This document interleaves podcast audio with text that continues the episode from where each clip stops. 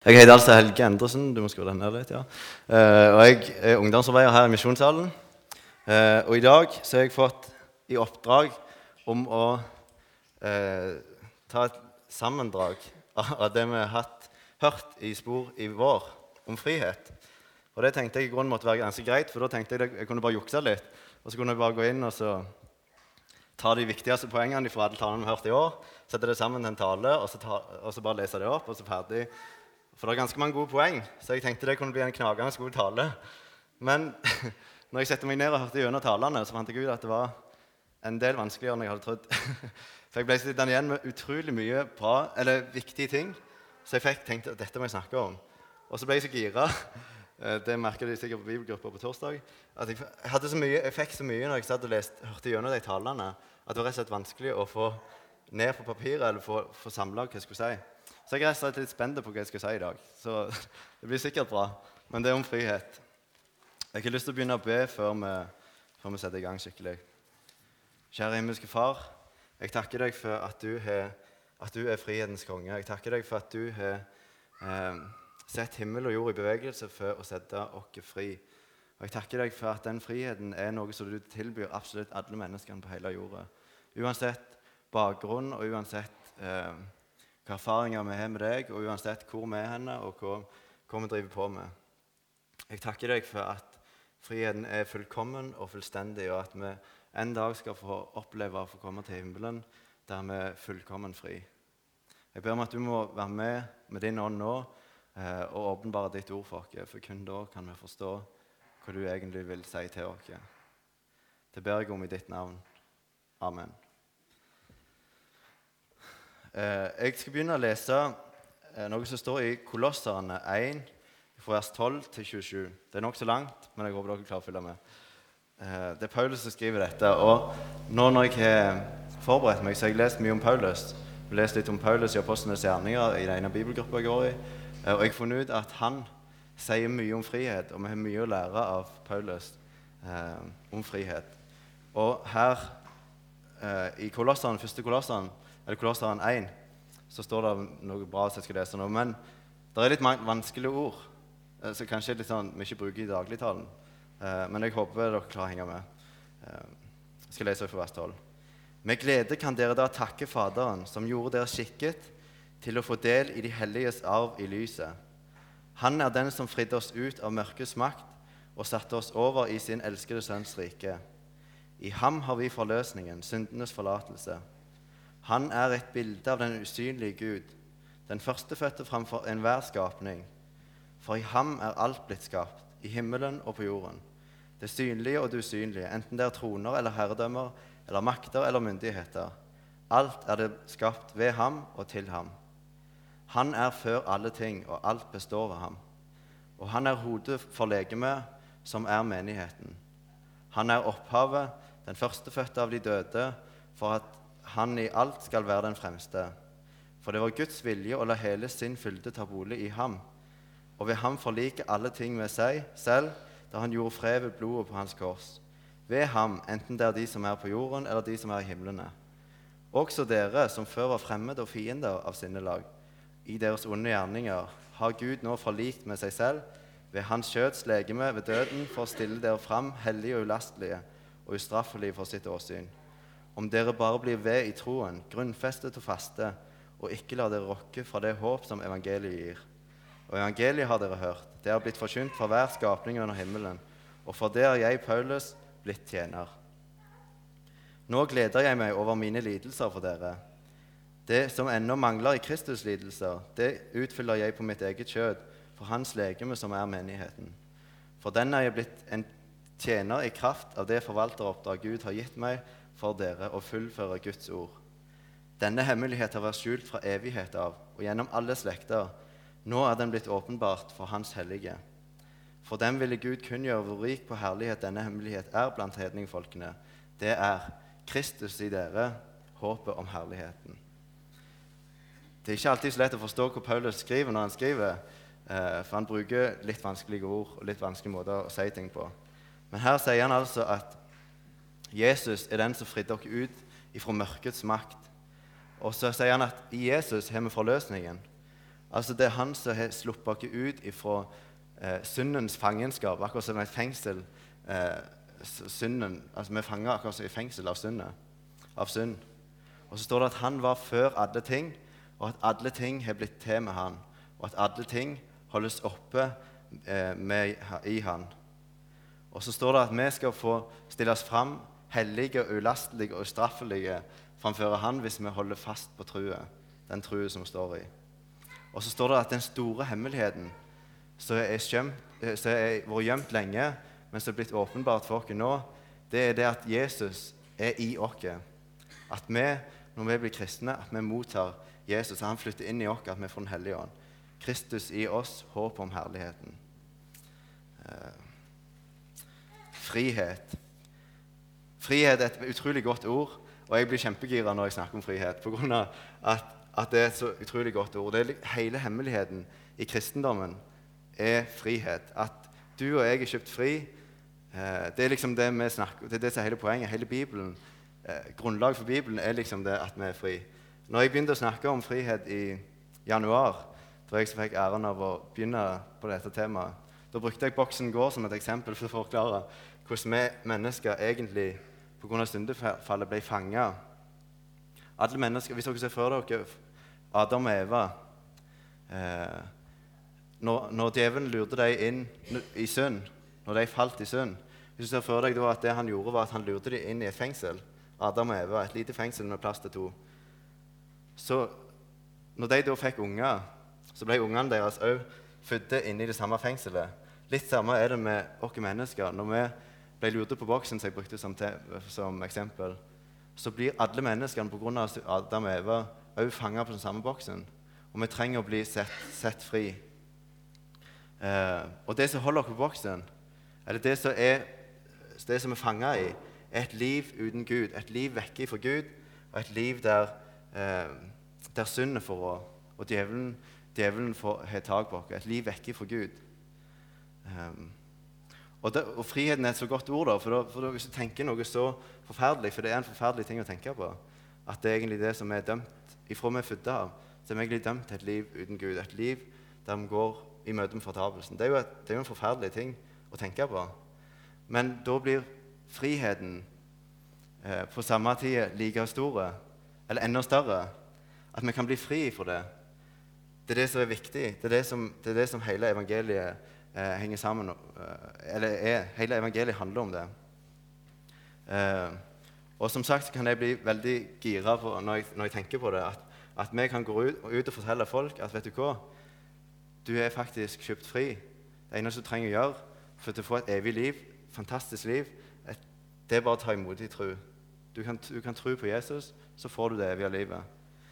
Men, og, og, når vi snakker om det, og når vi hører om det Alle de talene vi har hørt i vår, der vi har fått hørt hvordan vi kan være fri som mennesker her på jorda, eh, i tjeneste for Han.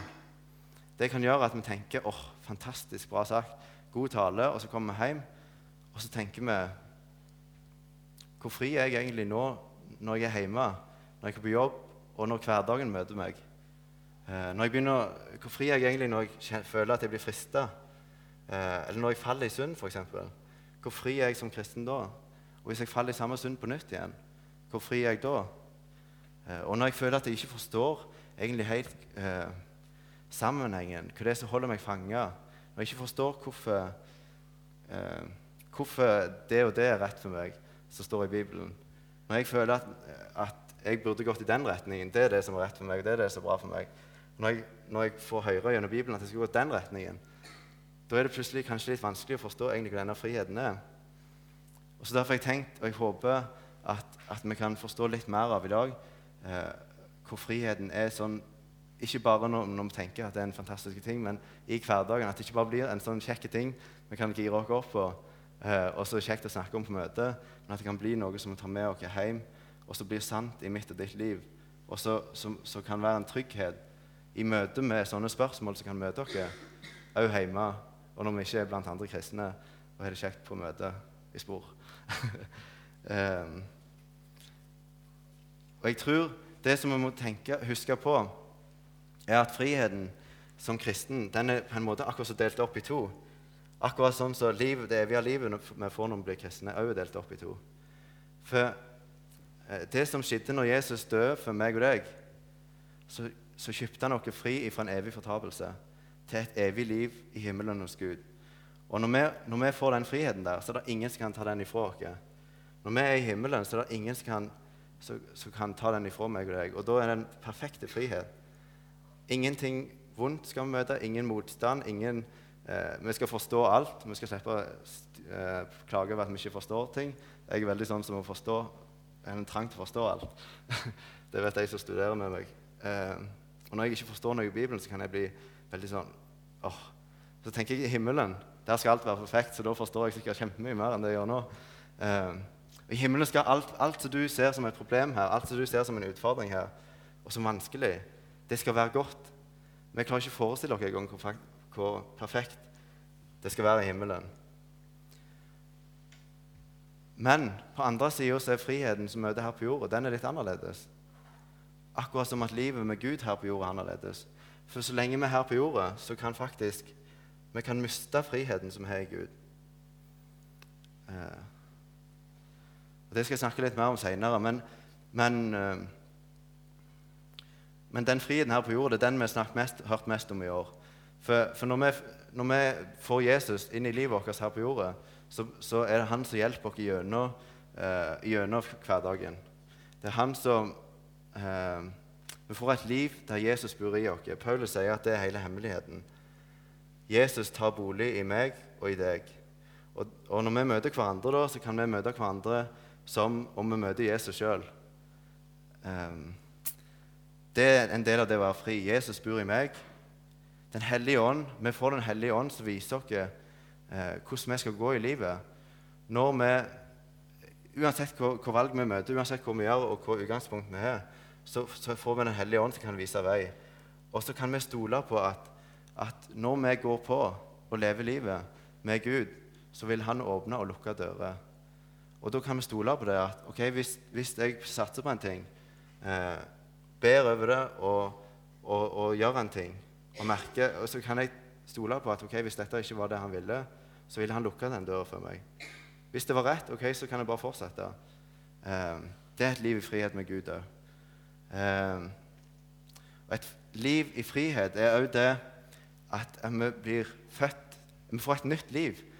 Jesus snakker om at når vi blir kristne, når du ble kristen, så ble du født på ny. Du fikk et helt nytt liv.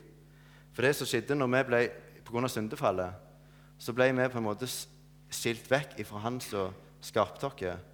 Han som visste det beste for meg og deg. Vi ble skilt ifra Han. Og når vi da tar imot Jesus igjen, så blir vi akkurat som født på ny. Han som skapte oss, får, får oss på en måte tilbake igjen fra djevelen som fikk fange oss vekk fra han. Og Det gjør at plutselig så er jeg og du eh, for, kan, kan, Han som har skapt oss, og som vet hva vi trenger best til Plutselig kan han igjen få bestemme over oss og fortelle at vet du hva, jeg, jeg vet best hvordan du fungerer. Eh, så du bør gjøre sånn og sånn, for jeg vet at det er det beste for deg. Og det er en del av det å være fri. Vi kan få stole på at Gud vet bedre om meg og deg enn vi gjør sjøl. Det er alltid, ikke alltid så lett å kunne stole på det, eh, for vi vil mange ganger være verdensmestere sjøl. Men, men, han vet faktisk best om meg og deg. Og det er en del av det å være i fri, frihet her på jorda. At, at, vi skal få stole på at han vet best om vårt liv. Eh, og så Samtidig her på jorda så er vi fri til å leve et, eh, til, fri til å være oss sjøl i Gud. Det er veldig lett å tenke at vi, vi, hører, vi kristne hører at, når vi, at vi kan ingenting i oss sjøl. Det bor ingenting godt i meg, eh, og jeg må bli født på ny. Så det er veldig lett å tenke da, at, at sånn halvveis egentlig trykker vi oss helt ned, og så blir vi plassert Nei, så blir vi eh, liksom Helge forsvinner, og så er det bare Jesus som kommer på plass igjen. Og når jeg synder og sånne ting, så er det på en måte akkurat, vi forstår ikke helt den sammenhengen der. Hvorfor synder jeg egentlig? Og så, og så jeg, jeg, gjør jo ingenting godt i meg sjøl. Det er en sånn merkelig ting der. Og så kan vi bli frista til å tro at jeg må bli en helt ny. Helge, ingenting av meg kan, er godt nok for Gud. Og så er vi kanskje noen forbilder, kristne forbilder. Paulus er et godt forbilde, f.eks. For så vi tenker jeg må bli sånn som han, jeg må ha de samme kvalitetene som han. alle kristne må være like, tenker vi egentlig. Men Gud ønsker at du skal være deg sjøl. Når Jesus flytter inn i deg, så blir ikke du lik meg sjøl om Jesus bor i meg. Det er veldig lett å tenke at, at, at, det er sånn. Det er veldig lett å tenke at, at, uh, at når vi er kristne, så skal vi kunne si de samme tingene. Vi skal gjerne kunne være flinke med vitnesbyrd. Vi skal, være, vi skal kunne gjøre sånn og sånn og sånn. Eh, og så skal vi Alle skal være veldig gode på det med omsorg og altså sånne ting. Men du har fått dine kvaliteter. Og, Gud, og, og, Jesus det er en del av friheten. Du, får, du er fri til å være deg sjøl eh, i Jesus. Hvis du tenker på Peter, f.eks. Når Jesus møtte han, så var han en, en sta mann. En ivrige, sta og ivrig mann. Og så møtte Jesus han. Så Etter Jesus hadde dødd og, død og stått opp, så fikk han Den hellige ånd. Og han var fortsatt den ivrige Peter, men han hadde blitt en ny skapning. Og Det er en del av friheten. at du, du, trenger ikke tro at du må spille en annen enn det du er. At du må liksom bli en annen, at du må bli en eller annen så du kanskje ser for deg at er en perfekt kristen. Gud kan bruke deg akkurat sånn som du er, eh, med Han i, i deg. Eh, og En annen ting er at, at vi er frie her på jorda til å ta imot Jesus akkurat der vi er. Det er veldig lett å tenke at vi må bli sånn og sånn før jeg kan ta imot Jesus. Eh, men det trenger vi ikke tenke. Uansett hvor du er henne, uansett hvor bakgrunn du har hatt eller har, og hvilke opplevelser du har med Jesus før av, så kan Jesus bruke deg og ta imot deg akkurat der du er nå. Det er lett å tenke jeg skulle bare ha gjort sånn og sånn og sånn. og sånn. Jesus møtte Paulus når han var på vei og skulle, eh, og skulle forfølge de kristne og sette dem i fengsel. Men Jesus møtte òg Peter når de bare var fiskere og egentlig var gode jøder. Han kan møte, dere uansett hvor vi er hen på veien. Eh, og Vi trenger heller ikke prøve å spille at vi eh, lager oss til i møte med Jesus. Han møter deg der du er, eh, med den virkeligheten du har. Um, også en annen ting, så, en annen frihet som handler om det livet med Jesus det er at, at, livet med Jesus er faktisk det eneste som gir mening. Det er ganske frekt å si det, egentlig, men vi tror det. Eh, på grunn av at Når vi tror at Jesus har skapt dere, når vi tror at Jesus har kommet på meg og deg og kommet på verden og kommet på alt det som er rundt dere, så tror vi egentlig at hvis, hvis vi ikke lever livet med Jesus, da, så er det egentlig ingen mening. For siden det er han som kom på oss, det er han som ønsker at jeg og du skal leve, så gir det perfekt mening å leve livet vårt med Han og i samfunn med Han. Og Det er en del av friheten, at vi kommer tilbake igjen til den harmonien med Gud som egentlig var tiltenkt. Det snakket Sondre Høysæter om eh, for noen søndager tilbake. til. At hele Gamle testamentet og Nye testamentet handler om det at Gud lengter etter at vi skal komme tilbake igjen i samfunn med Han eh, og leve et liv i harmoni med Han. Budene og alt det ble gitt at, som retningslinje for at vi skulle leve et liv i harmoni med Han.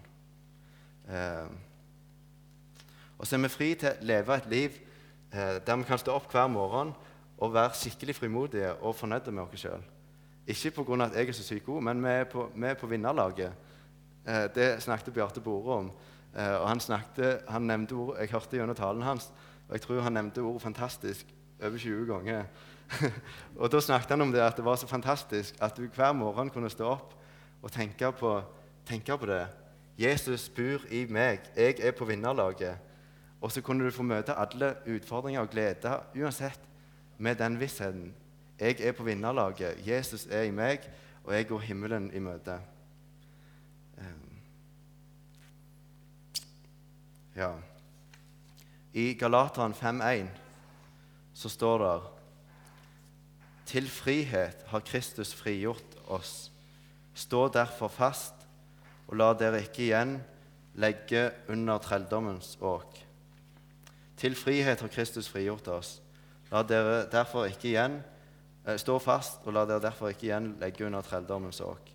Det bibelverset tror jeg er sitert eh, kanskje fem ganger i fem forskjellige taler nå i høst pga. det handler om frihet. Um, og, og, nå er vi litt tilbake igjen til det som er poenget mitt eh, med denne talen. Og så jeg håper inderlig at dere kan sitte litt igjen med etterpå. For, for, når jeg snakker om den friheten, at du er fri til å være den du er du Jesus bor i deg, og du kan ha all grunn til å være frimodig. Han kan bruke deg sånn som du er. Du er fri til å eh, ja, komme til han med det utgangspunktet du er i. Og alle de tingene. Så er det fantastiske ting som bør gi oss all grunn til frimodighet. Vi, vi, vi, burde kunne stå opp hver morgen som sagt, og tenke Jesus er i meg. Og det kan vi òg gjøre. Men her i Galaterne, i Galaterbrevet så sier Paulus til, til galaterne til frihet har Kristus frigjort oss. Stå derfor fast, og la dere ikke legge, igjen legge under trelldommens åk. Og Her kommer forskjellen på, på, den friheten vi skal få i himmelen. Den kan ingen ta ifra oss. Den blir perfekte og fullkommen. Men så lenge vi er her på jorda, så må vi innse det og innrømme at faktisk så er det noe som kan stjele den friheten ifra oss. Og det er noe som hele veien prøver å forstyrre den friheten og lure oss til å tro at vi ikke er så frie som vi egentlig er. Og Det skjedde her med galaterne. Paulus gikk rundt, og når du leser det han skriver, så skriver, brenner han skikkelig for det med frihet. Forteller han folk vet du hva? Eh, dere er fri. Jesus er dødt for dere. Dere må ta imot et nytt liv. Eh, dere skal få komme tilbake igjen til samfunnet med Han som har skapt dere. Og dere går i møte med et evig liv i himmelen. Og, og dere er fri. Han har gjort dere fri. Men det som skjedde var at etter Paulus hadde gått og sagt det, så kom det noen jøder traskende etter han. Og Idet Paulus hadde forlatt byen, så kom de jødene inn, inn til byen. Og så sa de til, til folkene vet du hva, han der Paulus han har egentlig ikke peiling. Uh, han er inne på litt ting, men han har glemt det at dere som hedninger dere må faktisk omskjære dere. Og så må dere begynne å gjøre de og de rutinene og rytmene og, og, og sånne ting som, som jødene gjør. Dere må bli egentlig jøder på nytt igjen. Han bare lurer dere. Han har egentlig ikke peiling. Og så de galaterne de trodde på det. På grunn av de tenkte ja, ja, kanskje det er sant. Og så, så hører Paulus om dette, og så sier han nei, nei, nei, nei, ikke la dere lure. Ikke la noen ting ta ifra dere den friheten dere har fått i Jesus. Ikke bli slaver igjen under sånne menneskebud. Ikke la noen ting ta dere vekk ifra det som, den friheten, fantastiske friheten som dere har fått i Jesus. Uh, og, og, det ser vi hele veien i Bibelen, at, at, de, prøver, at, at de sier Det leste vi i Kolosserne. Stå fast i den, i den uh, tro dere har fått. Stå fast på det evangeliet dere har fått. Og ikke la noen ting få rive det fra dere. For faktum er at djevelen og det gamle mennesket i oss hele veien prøver å fòre oss med ting som gjør at vi mister frimodigheten og mister troen på at faktisk vi er fri i Jesus.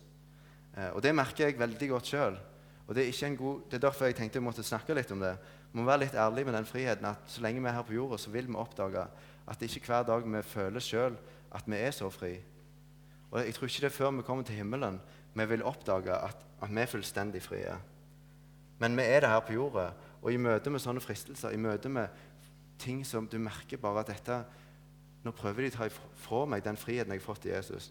Så kan vi møte det med det. Jo, jeg er fri. Jeg har fått Jesus. Han bor i meg. Eh, og et av de største problemene, tror jeg, for, at Jesus skal få bo i oss og få virke gjennom oss og få gi oss sin frihet og sin fred og sin glede, det tror jeg er en ting som det gamle mennesket i oss eh, driver på med og fôrer oss med. Og det er noe som jeg, vil, som jeg kaller for verdensmestersyndromet. og det er noe som jeg lider av, har jeg funnet ut i grunnen mer og mer. Eh, og det tror jeg kanskje spesielt hvis du ser på folk i konfirmasjonsalderen. Hvis du tenker tilbake igjen når du var konfirmant, eh, så plutselig oppdagte du Eller først når du er liten, så tenker du at far og mor de har svaret på alt. De kan alt. Min far er mye kulere enn din far. Eh, og Det tror jeg for så vidt ennå, da. Men, men, men og så går årene, og så plutselig oppdager du at far og mor har faktisk ikke peiling de er så talentløse. Og så tror de at det og det er bra. Så tror de at det og det De har ikke peiling. Og så tror de at det er bra å legge seg klokka ti på kvelden stå opp, og stå opp tidlig på morgenen. Nei, de er helt på bærtur. Og så plutselig blir alle andre på din alder mye kulere, og så, og så er du verdensmester. Du vet alt om deg sjøl, og det er bare, bare velstand. Eh, og så har jeg plutselig oppdaget i det siste at jeg tror ikke jeg har kommet ut av den alderen. For jeg tror fortsatt at jeg er verdensmester. Faktisk, I mange ting så tror jeg det. Uh, og Noen ting kan jeg le av med meg sjøl, så jeg liksom vet at jeg, det er jeg ikke så god til. For eksempel en ting eh, Jeg har en bil, uh, en Corolla, som vi pleier det veldig mye av. På grunn av at jeg ikke er særlig fornøyd med den bilen. Han er ikke spesielt fin, jeg syns faktisk han er litt stygg. og så er han ikke spesielt rask. Og så er han ikke spesielt god å kjøre. Og derfor ler jeg av den. Og så, og så sier jeg stygge ting om bilen min, og så ler jeg av det. Og, og så er det andre folk òg som ler. Og Av og til så kommer andre folk òg med kommentarer om bilen min. Og da ler jeg med. Da ler jeg av bilen min. Men det, det, det de ikke vet, er at jeg egentlig griner inni meg. Nei, Jeg gjør ikke det. Jeg ler med fordi jeg vet at bilen min er ikke spesielt god. Han er grei nok for meg som student. Det er en billig bil, og jeg kommer meg fram eh, der jeg trenger å gå.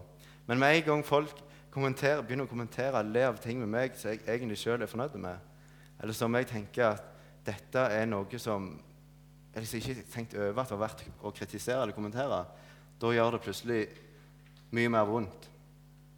Det kan vi se f.eks. i det siste på Liv Signe Navarsete. Beklager, Liv Signe, at jeg tar deg med i talen. Men politikere er veldig vant med at folk kritiserer deres meninger. Det er jo det politikere gjør. De sitter og hakker ned på hverandre og deres meninger. Og eh, Regjeringen holder på med et eller annet med fødeklinikker eller noe sånt. De skal legge ned dem i, i litt sånne øde byer eh, pga. å spare penger. Og Liv, Liv Signe Navarsete hun er Senterpartidame, så hun brenner veldig for at de, de eh, fødeklinikkene skal være fortsatt i bygdene eller ute på landet. Og så var det ei dame som begynte å kritisere henne. Men hun sa ikke til Liv Signe vet du hva, jeg tror det du sier, det du mener, det er feil. Men hun begynte å gå på uh, noe som Hun gikk på Liv Signe eh, hvordan hun brukte tida si. Du har gjort altfor lite. Du bryr deg egentlig ikke. Og da plutselig ble hun veldig sint. For det sårer henne. Hun var vant med at folk kritiserte hva hun mente. Men når de begynte å kritisere at hun hadde ikke brydde seg og så, så, så, Da svarte hun at jeg har sittet dag og natt sånn, hun, hadde, hun hadde lagt sjelen sin ned i det. og Da gjorde det vondt når folk begynte å kritisere. Og sånn er vi mennesker. Og sånn er iallfall jeg. At det gjør plutselig vondt hvis folk begynner å hakke på ting som jeg føler sjøl jeg er fornøyd med. Greit med koronaen, liksom. eh, og et annet eksempel for å få fram litt hva jeg, hva jeg prøver å si Eh, det, da skal jeg ta fram en, en instruksjonsbok. jeg, jeg, tenkte at jeg skulle bruke en stor instruksjonsbok til PC-en min, For, eksempel, for det tenkte jeg var greit. Men det viser seg at jeg, det var den ene instruksjonsboka jeg har, for alle andre jeg hever. for jeg trenger jo ikke instruksjonsbok.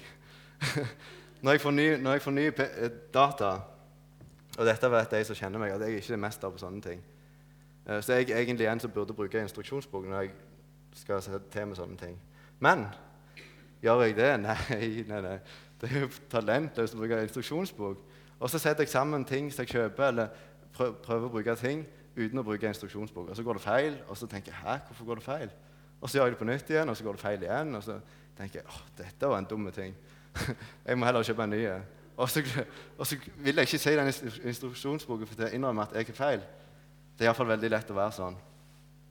Og jeg kunne fortsette. På skolen læreren forteller meg at når vi skal gjøre en oppgave, du må tenke enkelt, og du må tegne ned eh, det du skal gjøre først på papiret. Se sammenhengene. Det er veldig lett. og så tenker jeg jeg går rett på modell, modell, å lage modellen sjøl på PC-en. Det var som vi skulle lage modell over energiforbruk i verden. Så sa han at det kan bli veldig komplisert, så bare gjør det enkelt. Tegn ned på arket hvordan det henger sammen. Så lager du modellen på, på PC-en, så slipper du å gjøre det vanskelig. Og vi vet du, vi tenkte det der er ikke vits å gjøre. Vi, vi lager modellen og blir ferdig med det. Så jeg gikk på PC-en, lagde modellen og brukte to måneder på det. Og det ble en vanvittig greie. Og så, Før vi skulle levere inn, så fant vi ut at vi må, vi må gjøre det på nytt igjen. Det må kunne gjøres lettere. Så måtte vi lage en helt ny modell, og det klarte vi å gjøre på en dag. Og Så, vi, så leverte man inn, og så sa han ja, det var veldig bra gjort. Men hva, hva skjedde, liksom? Så sa vi nei, vi oppdaget at vi kunne gjøres mye lettere. Og så sa han ja, var det ikke det jeg sa i begynnelsen? Bare, ja, ja det, det, kan visst være det. Og så, og så oppdager jeg at, at, jeg vil være verdensmester. Og jeg tror Nå har jeg brukt mye tid for å forklare dette, her, men jeg tror dette er kjernen i hvordan vi kan leve et liv i frihet med Gud. Vi må innrømme at vi ikke er verdensmestere. Jeg vil våge å påstå at du vet ikke best hva som er best for deg. Gud vet det, og det svir å innrømme det. Jesus sier i Matteus 5, vers 6 at salige er de saktmodige, for de skal arve jorden. Og saktmodig betyr egentlig noe sånn som ydmyk. Um, salige er de eh, saktmodige. For at Jesus skal få gi oss av sin fantastiske frihet, så må vi innrømme at vi er faktisk ikke, vi er faktisk ikke de som vet best hva vi skal gjøre i livet vårt. Han har skapt dere. Det er han som kom på dere. Det er han som, derfor vet han også best. Akkurat som instruksjonsboka til mobiltelefonen. Selvfølgelig vet de som har, har lagd en mobiltelefon, bedre hvordan den fungerer, enn det jeg gjør. Men jeg velger ja, ja, instruksjonsbok. sant? Og Sånn er det lett å tenke i forhold til Gud, men vi må innrømme det er helt viktig for at, skal, for at ikke friheten skal bli bare en sånn ting så det høres veldig fint ut å ha det, og så går du hjem og så, og så styrer du på med ditt eget liv. Sant? for jeg vet best. Jeg er verdensmester. Og så er det kjekt å vite om det der eh, friheten. Men det hjelper ikke hvis du ikke kan bruke den, hvis du ikke ydmyker deg og innser at faktisk han vet best. Og du må faktisk tro på det han sier. Når han sier at han vil gå med deg, bare du er trofast og venter på han, så mener han det. Så betyr det at da trenger ikke du mase på med ditt eget liv og din egen ting du skal gjøre. For han vil faktisk gjøre det, han kan gjøre det. Og han vet best når eh, den rette tida er for deg. Eh, det var ei nonne som heter Monica Baldwin, som sa at det som gjør ydmyk så ønskelig, er at det gir oss en unik mulighet til å få et tett fellesskap med Gud. Når vi blir ydmyke, det er da Gud kan komme inn til oss. Når han møtte den rike unge mannen, så ville gi alt for Gud utenom rikdommen sin. Så kunne ikke Gud nå inn til ham, for han ville ikke gi alt. Han vil ikke gi alt. Og for, min, for min, mitt problem er at jeg vil være verdensmester. Jeg vet ikke om det er det som er problemet ditt. Jeg tror veldig mange av oss har det problemet at vi tror vi vet best. Og det kommer i veien for, for Guds frihet. Men han vet best, for det er han som har skapt deg. Og han elsker deg. Han kjenner deg ut og inn. Det er veldig lett å begynne å tenke nei, jeg er for dårlig. Når, når vi sier dette her, jeg vet ikke mye om meg altså jeg vet ikke best hva jeg skal gjøre, og hva som er bra for meg, så det er veldig lett å dra den videre og si OK, jeg er ikke god nok. Men da er det allerede, er det allerede begynt å bli Da er det, da er det noe som røver fra deg friheten din igjen. For det er ikke sant. Du vet ikke best om deg sjøl, men du er perfekt god nok.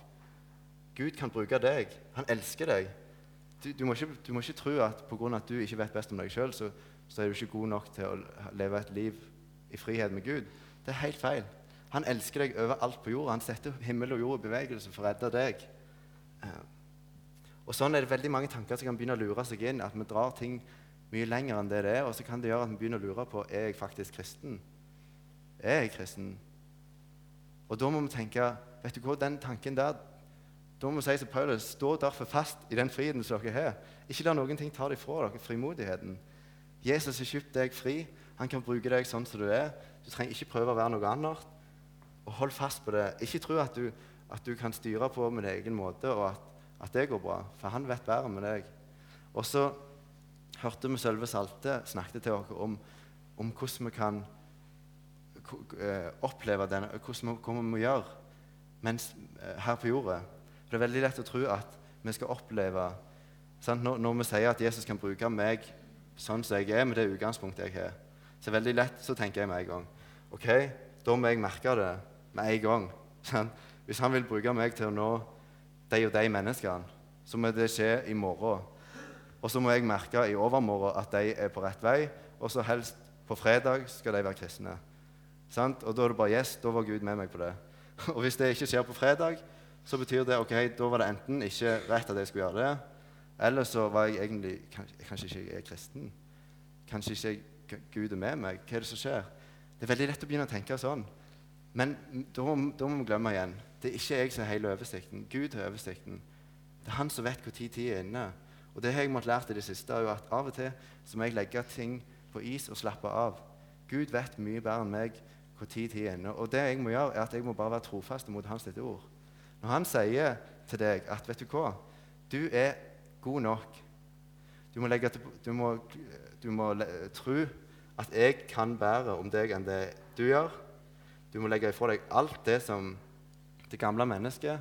Men du er god nok. Jeg vil bruke akkurat deg. Jeg elsker deg. Du er fri. Du går et evig liv, liv i himmelen i møte. Skal du få si det til deg sjøl? I, i, i visshet om at det er sånn, skal du være trofast mot det. Og da kan du, gå, da kan du leve Du trenger ikke stresse rundt på gata og prøve å liksom oppnå sånn, for mange poeng hos Gud, for nå har jeg vært eh, nå har jeg vært, nå har jeg vært misjonær, nå har jeg gjort det, nå har jeg gjort det, nå, jeg, nå ble han kristen. Vi trenger ikke stresse. Gud trenger oss til å være frie i Han der vi er, med de personene vi er. Og så kan vi få slappe av med det. Vi kan få gå rundt og bare gjøre, gjøre vel, akkurat sånn som Jesus gikk rundt og gjorde vel her på jorda. Og slappe av med det og være trofaste med der vi er. Så, så vil Han gjøre at det får frukter så trenger ikke vi stresse med at ok, kanskje ikke dette var dette er ikke ført fram. Jeg vet ikke hva som skjer. Det er han som er oversikten. Eh, vi må være trofaste og stole på Han vet faktisk best. Glem den der, uh, faktisk, ikke glem den der instruksjonsboka. Han vet best, og når du føler at dette her er feil, gå til Bibelen og se hva som står der. Hvis det står at han er med deg, hvis det står at, at du er frelst, og at du er god nok, og han kan bruke deg, så stol på det. Så, for da ødelegger du de der tingene som prøver å stjele fra deg friheten. Eh, og så må du være stille for ham. Det er en vanskelig ting òg. Til å være stille og bare tenke Ja, ja. Hvis han, han, snakker til meg hvis jeg bare tar på pause. Vi skal liksom få med oss så mye løye her. Eh, Rob Whittaker snakket om det når han var her. At vi skal liksom vi skal høre på musikk i ørene, så skal vi se på TV mens vi spiser, og helst skrive tekstmelding og snakke til kameratene som står ute på kjøkkenet. Og hvis ikke vi får til alt det til å skje på likt, så er det liksom Oi, da begynner vi å kjede dere. Det er litt sånn det er, litt sånn det er nå for tida.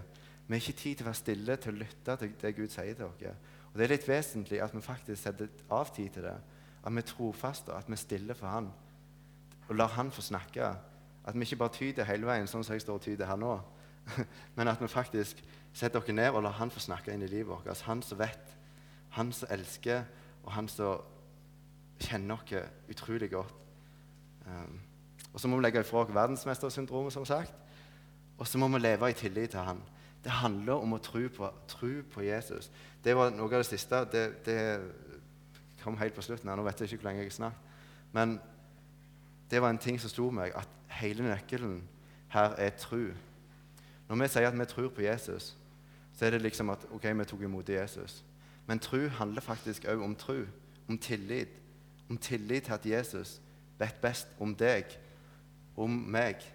Om, om tro til at ok, han kan gjøre det som han har lovt han kan gjøre. Der står i Hebreerne så står det om at i tro var Abraham lydig da han dro ut. Og, og, så står det om at de ble Jeg må se om jeg klarer å finne det. Uh, skal vi se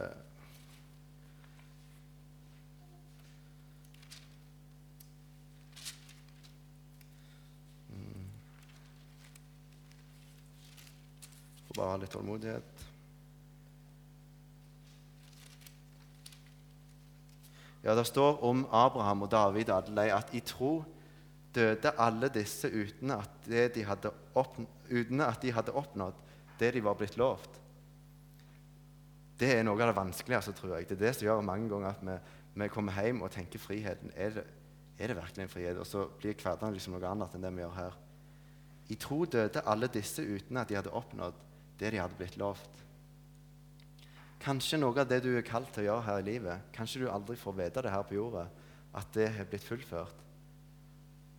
Sånn som sånn, sånn som du skulle ønske at du hadde fått sett det. Kanskje du faktisk må bare vente i tro, i tru på Jesus, stole på han og se fram til det evige livet i himmelen som du venter. For det vet du at du får uansett. Og så må vi slutte å tenke at vi må liksom høste her på jorda. Jesus sier jo det hele veien. Glem det som, glem det som jordiske. Dere må samle skatter i himmelen. Og så skal jeg ta meg av resten. Det er jeg som skal, jeg, jeg bruker dere, og så bruker jeg dere i min plan, ikke din plan. I tro døde alle disse uten at, de, uten at det de hadde oppnådd, uten at de hadde oppnådd det de hadde blitt lovt. Vi må være ydmyke, og da kan Gud bruke oss. Um, jeg vet ikke om dere klarte å få noe ute av det. Jeg, jeg hadde så mye å si og tenke. Men, men poenget er altså at, at Jesus har kjøpt oss fri med sitt blod. Og, må, og, det er noe som ikke må noen få stjele ifra oss. Så lenge vi er her på jorda, så vil folk, og vi vil sjøl prøve å, Eller de gamle menneskene vil prøve liksom hele veien fòre oss med å ta vekk den friheten. Men vi må ikke noen, la noen få gjøre det. Vi må stå faste og være trofaste mot hans ord og stole på han. Stol på at Gud virkelig kan, for han kan.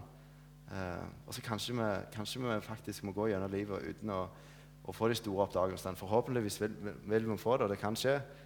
Men, men, men håpet vårt er knytta til himmelen, det evige livet som venter dere der. Og så er det så bra at vi får gå sammen. Og Det kan jeg bare legge til på slutten her, at det syns jeg er fint eh, i Spor og i Misjonssalen. At vi har smågrupper, at vi samles som kristne og går sammen. Og så håper jeg at, at, det er en ting vi kan bli enda bedre på enn det vi er nå. Til å dele livene våre og til å dele vitnesbyrd og fortelle hvordan vi har det, og hvordan vi opplever det. Eh, og hvis vi merker vi får noe fra Gud, hvis vi merker dette er noe jeg har lyst til å dele med de andre, at vi er frimodige til å gjøre det. For Vi trenger ikke begynne å tenke at jeg, jeg er ikke god nok til å si noe. Jeg, jeg er nervøs eller sånne ting. Eh, eller kanskje ikke fint nok, det jeg sier. Hvis Gud kan bruke meg, hvis han kan bruke uansett hvem som helst, så kan han òg bruke deg. Det blir en sånn falsk ydmykhet. Du må ha frimodig. Jesus bor i deg. Kanskje du Det er en annen ting som slo meg. Nå begynner jeg igjen, vet du. Det er en annen ting som slo meg. Det, jeg skal prøve å si at det er det siste jeg sier. At kanskje, kanskje det er noen mennesker på jorda som kun du kan nå ut til. Har du tenkt på det? Kanskje, kanskje du er den, person, den, eneste personen som kan nå ut til noen. At Gud kan bruke akkurat deg til å nå noen rundt deg. Bør ikke det gi deg frimodighet? Gud kan bruke akkurat deg, og han elsker akkurat deg. Han ønsker ikke bare masse roboter som springer rundt og gjør hans sitt æren. Han, han elsker oss og ser ned på oss og tenker oh, jeg trenger han til å gå, for han er den og den bakgrunnen. Han kan nå ut til deg. Og han, hun er den bakgrunnen. Hun er sånn og sånn. Hun kan nå ut til deg. Og så kan vi alle gå rundt og være, fortelle om den friheten vi har fått, om at Jesus bor i oss, og at vi går et evig liv i himmelen i møte. Og det er noe alle kan få, uansett hvor de er hen, og uansett hvor de har eh, opplevd. Ja. Nå må jeg be til slutt. Kjære himmelske Far. Jeg takker deg for at du kjøpte oss fri. Jeg takker deg for at vi skal få lov til å være akkurat de vi er i deg. Takk for at vi skal få legge vekk eh, verdensmestersyndromet som vi mange ganger tar med oss, der vi tror at vi vet best eh, hva som er rett å gjøre i ditt navn, og der vi tror at vi er hele oversikten, og der vi tror at eh, vi vet best om det aller meste. Takk for at du vet best, og takk for at du har skapt meg, og at du ikke gir meg opp selv om jeg mange ganger går feil. Takk for at det om å være fri i deg handler om at vi kan komme til deg på nytt og på nytt. At du kalte oss til å være barn av deg. Eh, og Det betyr at, at du elsker oss, at du ser til oss, og vi kan komme og krype inn i armkroken din på nytt og på nytt. Og så, kan, så går du sammen med oss her på jorda eh, når vi møter utfordringer, når vi føler vi ikke forstår ting når, når, ting er godt og alt er bare velstand. Uansett så går du med oss. Og så har du gitt dere hverandre, og det har jeg lyst til å takke for at du har gitt dere fellesskap, at vi kan gå sammen. Hjelp oss til å støtte hverandre på veien og til å, til å sammen se fram mot det håpet vi har i vente i himmelen. Hjelp oss til å lengte etter det, sånn som Paulus gjorde når han sa han visste ikke hvor han skulle være, enten i, hvor han ville være, enten på jorda eller i himmelen. For han visste at det var så mye bedre i himmelen. Takk for at vi kan få vite det, at du er og gjør i stand et måltid til oss, og at en dag, kanskje i dag, kanskje i morgen, kanskje lenge etter vi er døde vekk her fra jorda, kommer igjen og henter oss hjem til deg, der det skal bli en fest uten like. Og takk for at vi er frie. Og jeg ber om at du må velsigne resten av møtet. Velsign hver enkelt som kom til her i dag. Eh, velsign resten av dagen. Det ber jeg om i ditt navn. Amen.